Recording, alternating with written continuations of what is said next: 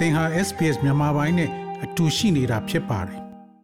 မြန်မာနိုင်ငံဟာဖွံ့ဖြိုးဆဲနိုင်ငံဖြစ်တာနဲ့အညီအခြေခံလိုအပ်ချက်ဖြစ်တဲ့လျှက်စစ်တပ်အားဟာလည်းပုံမလိုအပ်လာနေပါတယ်။လျှက်စစ်တပ်အားရရှိဖို့အတွက်ရေအားလျှက်စစ်နဲ့ရုပ်ကျွမ်းလောင်စာတွေဖြစ်တဲ့ကြောင်မီသွေးတဘာဝတက်ငွေနဲ့ရေနံတွေကိုသုံးပြီးထုတ်ယူသုံးစွဲကြရတာပါ။ အဲ့ဒီတဲမှာမှကြောင်မီသွေးကနေလျှက်စစ်တပ်အားထုတ်ယူသုံးစွဲဖို့အတွက်မြန်မာနိုင်ငံမှာတော့အခက်အခဲတွေရှိနေသေးပါ။ကြောင်မီသွေးသုံးလျက်စစ်နဲ့ပတ်သက်ပြီးကန့်ကွက်ဆန္ဒပြမှုတွေလူမှုလှုပ်ရှားမှုတွေပြုလုပ်ပေမဲ့အစိုးရအနေနဲ့မျက်ကွယ်ပြုထားသလိုခန်းစားရတယ်လို့ရှမ်းပြည်နယ်တောင်ပိုင်းကကြောင်မီသွေးသုံးလျက်စစ်စက်ရုံအနီးမှာနေထိုင်နေတဲ့ကိုမိုးကအခုလိုပြောပါတယ်အာအဓိကကြောင်ပြီးသွေးသုံး လျှက်စစ်တအားပေးစက်ရုံတွေက ဒီလိုပေါ့နော် ကျွန်တော်တို့ လူထုအတွက်ဟိုဆိုဟိုဒါဘေးရွက်ဆိုချိုးတွေအများများတယ်တဘာပတ်ဝန်းကျင် ထိတိုင်းနေတာမှုတွေကလည်းအများများပြားတဲ့အတွက်ဒါကျွန်တော်တို့အနေနဲ့ ဒီကြောင်ပြီးသွေးသုံး လျှက်စစ်တအားပေးစက်ရုံတွေကို ကန့်ကွက်ရခြင်းဖြစ်ပါတယ်ဗျ မြန်မာနိုင်ငံမှာ10မဂါဝက်အထက်ထုတ်နိုင်တဲ့ရေအားလျှက်စစ်ထုတ်စက်ရုံကြီး28ရုံ10မဂါဝက်အောက်စက်ရုံ35ရုံရှိတယ်လို့အာရှဖွံ့ဖြိုးရေးဘဏ် ADB ရဲ့2018စစ်တမ်းတွေကဆိုပါတယ်။ ADB ရဲ့စမ်းစစ်ချက်တွေအရ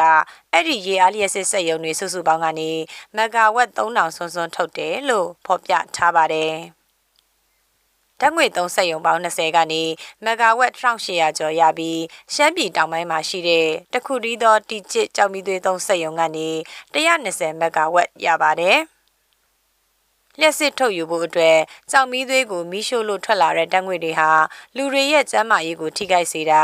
ကြောင်မီးသွေးပြာကနေထွက်လာတဲ့အာဆနစ်တဲ့ကြောင့်လူတွေကိုအဆိပ်သင့်နိုင်တာတဘာဝပတ်ဝန်းကျင်ကိုထိခိုက်စေနိုင်တာတွေကြောင့်လက်ရှိမှာကရင်ပြည်နယ်နဲ့ရှမ်းပြည်နယ်တောင်ပိုင်းကဒေသခံတွေကကန့်ကွက်နေကြတာတွေရှိပါတယ်။ ကြောင်မီးသွေးသုံးလျက်စစ်ကိုအတက်နိုင်ဆုံးမသုံးတာပဲကောင်းတယ်လို့ဆိုလာသူကတော့မြမအစိမ်းရောင်ကွန်ရဲ့အဖွဲ့ကတယံဇာတထိမ့်သိမ်းရေးပညာရှင်ဦးစိန်မြင့်ပါအခုဗမာနိုင်ငံမှာကြောင်မင်းမြစ်ဆက်ဦးနေပတ်သက်လို့အခုလက်ရှိခံစားနေရဟိုနေဒီရှစ်မှာခင်ဗျားတို့မြင်တဲ့အတိုင်းပဲသိကြကြားကြားတဲ့သိတဲ့အတိုင်းပဲခင်ဗျားတို့မိပြမတွေပို့သိတာပေါ့နော်အခုတက်ရောက်မှုတွေတအားများနေတယ်နောက်တော့ထုတ်လုပ်မှုကလည်းထင်လောက်မဖြစ်ဘူး120မက်ဂါဝတ်ဆို120မက်ဂါဝတ်မထုတ်နိုင်ဘူးအခုနောက်ဆုံးကျွန်တော်သိတာတော့ ဟိုဟိုမက်ဂါဝတ်100တောင်မှသူမနေ့လုံးမနေရတယ်အဲ့ဒါတော့နောက်တော့ဒုတိယဟိုစီမံကိန်းနဲ့ဒုတိယအဆင့်နဲ့ဒုတိယဟိုကုမ္ပဏီကနေလုပ်နေတာအဲ့လိုလက်ရှိစီမံကိန်းတွေကတက်ရောက်မှုတွေများနေတဲ့အခါကျတော့ဟိုဟိုလူတွေသူတို့ဘယ်လိုပဲပြောပြောလက်တွေ့မှာကတကယ်တမ်းပတ်ဝန်းကျင်ပေါ်မှာထိရောက်မှုတွေများနေတဲ့အခါကျတော့ဟိုလက်ခံမှုလူတွေကတွန့်ဆုတ်နေကြတာပေါ့နော်အဲ့ဒါပါပဲอืมအဓိကအဲ့ဒီချက်ကတော့အဲ့ဒီခုတည်းအောင်အောင်မြင်သောအောင်မြင်သောကြောင်မီတွေဤပညာကိုမသုံးနိုင်တဲ့အတွက်နော် တန်ရှင်းသောကြောင်မီတွေဤပညာကိုပြေဝမသုံးနိုင်တဲ့အတွက်မသုံးနိုင်ဘူးဆိုတော့ခုနကပြောဥပဒေမရှိဘူးနည်းဥပဒေမရှိဘူးနောက်ပြီးတော့ထိတ်ချုပ်တဲ့စနစ်တွေလည်းအားနေတယ်နောက်ပတ်ဝန်းကျင်ဟိုအဲ့လိုအချက်အချွေရတော့ပြဿနာတွေကြောင့်ကျွန်တော်တို့ဗမာနိုင်ငံမှာကြောင်မီးလေးစက်ုံတွေလူတွေကလက်မခံတဲ့အကြောင်းကအဲ့ဒါပါပဲ 2019ခုနှစ်အတွက်လျှက်စစ်နဲ့စွမ်းရည်ဝင်ကြီးဌာနရဲ့အစီအခံစာအရမြန်မာနိုင်ငံမှာလျှက်စစ်သုံးစွဲမှုအတွက်ထုတ်လုပ်နေရမှာရေအားလျှက်စစ်61ရာခိုင်နှုန်းနဲ့ကြောင်မီးသွေး3ရာခိုင်နှုန်းပဲပါဝင်တာပါ ဒါပေမဲ့2018ဖေဖော်ဝါရီမှာနောက်ဆုံးတင်ပြခဲ့တဲ့အမျိုးသားလျှက်စစ်တပ်အားရရှိရေးစီမံကိန်းမှာတော့ရေအားလျှက်စစ်38ရာခိုင်နှုန်း၊ကြောင်မီးသွေး34ရာခိုင်နှုန်း၊တဘာဝတက်ငွေ20ရာခိုင်နှုန်းနဲ့ပြန်လည်ပြည့်ဖြူမဲ့စွမ်းအင်10ရာခိုင်နှုန်းပါဝင်တယ်လို့ဖော်ပြထားပါတယ်။ဒါကြောင့်ကြောင်မီးသွေးနဲ့လျှက်စစ်ထုတ်လုပ်တဲ့နှုန်းဟာတက်လာတာကိုတွေ့ရနိုင်ပါတယ်။ မြန်မာနိုင်ငံအနေနဲ့ကြောင်မီးသွေးသုံးလျှက်စစ်စက်ရုံတွေဟာလိုအပ်ကျလို့ပြည်သူ့လွှတ်တော်လျှက်စစ်စွမ်းအင်နဲ့ဖွံ့ဖြိုးတိုးတက်ရေးကော်မတီဝင်ကလေးဝမဲဆန္ဒနယ်အမတ်ဦးတန်းထွန်းမြင့်ကဆိုပါတယ်အဲအဲ့ဒီပိုင်းကြီးနေကတော့ကျွန်တော်တို့နေကတော့သူကတော့ပြောကြတော့မရှိသေးပါဘူး။ဘာလို့လဲဆိုတော့ဒါကန့်ွက်တယ်ဆိုတဲ့အပိုင်းကလည်းသူတို့အပိုင်းနဲ့သူတို့ရှိမှာပေါ့။ဒါပေမဲ့ကျွန်တော်တို့ဒီစုရအနေနဲ့တကယ်တမ်းအမှန်တကယ်ကောင်းတဲ့ပုံမဲ့ဆိုတော့လူမှုကိုသိချနားလည်အောင်ရှင်းပြပြီးတော့မှဒီအကောင်းဆုံးပေါ့အခုချိန်မှာတော့ဤပညာတွေလည်းရှိနေတာဆိုတော့လေ ဒါဘာပဲဖြစ်ဖြစ်ပေါ့ဒီလူမှုကိုသိချချပြပြီးတော့မှဆောင်ရွက်မယ်ဆိုရင်တော့ဖြစ်မယ်ထင်ပါတယ်လို့အဲ့ဒါရတော့လေဟုတ်ဤပညာပိုင်းနဲ့ဆိုတဲ့နေရာမှာတော့ကျွန်တော်တို့ဟိုအစိုးရကဆောင်ရွက်မယ်ဆိုတဲ့အပိုင်းမှာလည်းကျွန်တော်တို့တခုတော့ရှိတာပေါ့လေဒီဆောင်ရွက်မယ်ဆိုတဲ့ကုမ္ပဏီတွေကဒီအနေထားလည်းအများကြီးမူတည်တာပေါ့။ထားပါတော့ကျွန်တော်တို့တောင်းရင်မှုတောင်းဝန်ခံမှုပြည့်စုံတဲ့နိုင်ငံတွေထားပါတော့အမေရိကန်လိုမျိုးတို့ဒီဂျပန်လူမျိုးတို့ကုမ္ပဏီတွေကဆောင်ရွက်မှာနဲ့ဆိုရင်တော့ပို့ပြီးတော့မှလူစုကိုချပြတဲ့နေရာမှာပို့ပြီးပွင့်လင်းလာမှုရှိမယ်လို့ထင်တာပေါ့ဟုတ်အဲ့ဒီပိုင်းက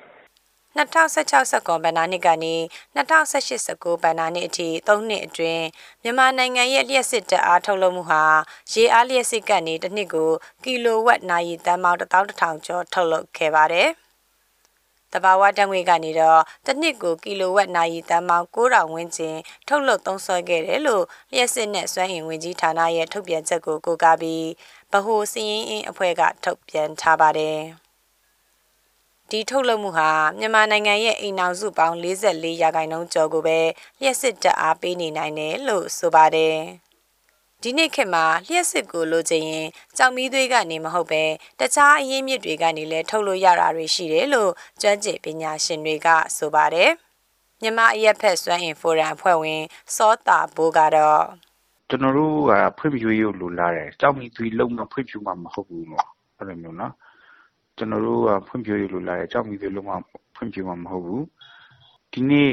အာအခုကဘာရဲ့ trans မှာဆိုလုံးဝပြောင်းသွားပြီ။အဲ့လိုကြောက်မီသွေးလုံးတဲ့မှာဂျာမနီရုပ်ကလုံးတကယ်နိုင်ငံတွေအကလုံးဒီဒီရဲ့ဟာတွေအကလုံးပိတ်သိမ်းလိုက်ပြီမှာတကယ် renewable ဘက်ကိုဟိုသွားနေတာပေါ့နော်။အဲ့လို trans ကိုသွားနေပြီ။ပြောင်းနေပြီဖြစ်တယ်ပေါ့။ဒီခေတ်ဆိုတကယ်တကယ်တမ်းအာကျွန်တော်မြန်မာနိုင်ငံရဲ့အကြက်တီးရပါဆိုမူဝါဒအကြက်တီးပေါ့။ဥပမာထုတ်လုပ်ခြင်းရောင်းချခြင်းဖြန့်ဖြူးခြင်းရဲ့အကလုံးကအစိုးရပဲလုပ်လို့ရတာ။အာ တကယ်တော့ အဲ့ဒီဟာတွေကို private တွေ sector ပဲဖြစ်ဖြစ်ဒီ small holders အဲဒီပဲဖြစ်ဖြစ်ပေါ့နော်။အာလွှဲပေးလိုက်တာပဲဖြစ်ဖြစ် အဲ့လိုမျိုး လုပ်လိုက်မယ်ဆိုရင်အာအချိန်ကုန်တာလည်းတက်တာမယ်။ပြီးတော့ ငွေကြုံကုန်ကြီးကြလည်းတက်တာမယ်။အစိုးရရဲ့အဲလုပ်ရမယ့်ကဏ္ဍဒီဒီလိုမျိုးဟိုထိန်းချောင်းမှုတော့မူဝါဒကောင်းကောင်း ရေးဆွဲပြီးတော့မှ သူတို့ကို ထိန်းချောင်းမှုပဲ လို့တာ ဒါပေမဲ့ ကျွန်တော်တို့အစိုးရကအာကျွန်တော်မြင်တာကဟို ဒီနီးပညာပိုင်းမှာ ကျောင်းမြန်မာနိုင်ငံမှာ အများကြီးတော်တဲ့လူ အများကြီးရှိပါတယ် ဒီတော့ မူဝါဒကို ထည့်သွင်းပြီးပြချစဉ်းစားတဲ့အခါမှာဟိုဟိုပါသိပါထားတဲ့လူတွေဟို များများဖိတ်ခေါ်ဖို့ လိုမယ်လို့ထင်တယ် မြန်မာပြည်မှာကြောင်မီသွေးသုံး လျက်စစ်တပ်အားပေးစက်ရုံတဘာဝတက်ငွေသုံး လျက်စစ်စက်ရုံနဲ့ ရေအားလျက်စစ်စက်ရုံတွေဆိုပြီး ရှိပါတယ်။ ဒီလိုစက်ရုံတွေတည်ထောင်မယ်ဆိုရင်2015မှာထုတ်ပြန်ခဲ့တဲ့ပတ်ဝန်းကျင်ထိခိုက်မှုစမ်းစစ်ချင်းဆိုင်ရာလောက်ထုံးလုံနည်းအရစီမံကိန်းတစ်ခုမစခင်ဒါမှမဟုတ်ပြန်လည်စတင်ရင်စိုးကျိုးတွေတည်နိုင်ဖို့နဲ့ရှော့ချနိုင်တဲ့နည်းလမ်းတွေစဉ်းစားပြီးမှသာစီမံကိန်းကိုအကောင့်ထဲပေါ်ဆောင်ရွက်ရမှာဖြစ်တယ်လို့ဖော်ပြထားပါတယ်။ ဒါကြောင့်အစိုးရအနေနဲ့ပြည်သူတွေကိုမျက်ကွယ်မပြုဘဲကြောင်မီးသွေးကိစ္စတွေမှာတေချာစဉ်းစားသင့်တယ်လို့ဒေတာကန်ဖြစ်တဲ့ကိုမိုးကအခုလိုပြောပါတယ်အစိုးရကိုကျွန်တော်တို့ပြောချင်တာကတော့ဒီမန်ကိန်းတွေကိုမလုပ်ရဘူးလို့မဟုတ်ဘူးကျွန်တော်တိုင်းပြည်မှာရှိနေတဲ့အာဥပဒေတွေဟလာလူတို့ရဲ့အခြေအနေတွေလူတို့အတန်တွေနောက်ပတ်ဝန်းကျင်ထိခိုက်မနစ်နာမှုတွေကိုစနစ်တကျနဲ့သေချာပြန်သုံးသပ်ပြီးတော့တကယ်ကိုကောင်းမွန်တဲ့ဒီမန်ကိန်းတစ်ခုဖြစ်ဖို့အတွက် ဒီဆောက်ပေးပါလို့ဒါကျွန်တော်တို့အနေနဲ့ဒါပြောချင်ပါတယ်။နောက်10နှစ်အကြာ2030မှာတော့တနိုင်ငံလုံးမီးလင်းဖို့အတွက်အစိုးရကမူဝါဒတွေချမှတ်လှုပ်ဆောင်နေကြတာပါ။ဒါကြောင့်မြန်မာတနိုင်ငံလုံးလျှက်စစ်လွှမ်းခြုံနိုင်ရေးဟာအမှန်တကယ်ဖြစ်လာနိုင်ပါမလားဆိုတဲ့မိကွန်းနဲ့အတူအဲ့ဒီပန်းနိုင်ရအောင်ရှောက်ရမယ့်လမ်းကိုတော့လူတိုင်းမမှန်းဆနိုင်ကြသေးပါဘူး။ဒီသတင်းကိုတော့တန်လွင်ခက်ကပေးပို့ထားတာဖြစ်ပါတယ်။ ဒါမျိုးသတင်းဆောင်မတွေကိုပိုနားဆင်လိုပါလား Apple Podcast Google Podcast Spotify တို့မှာသင်ပင်ရာဖြစ်ဖြစ်ရယူတဲ့ podcast ကနေပါ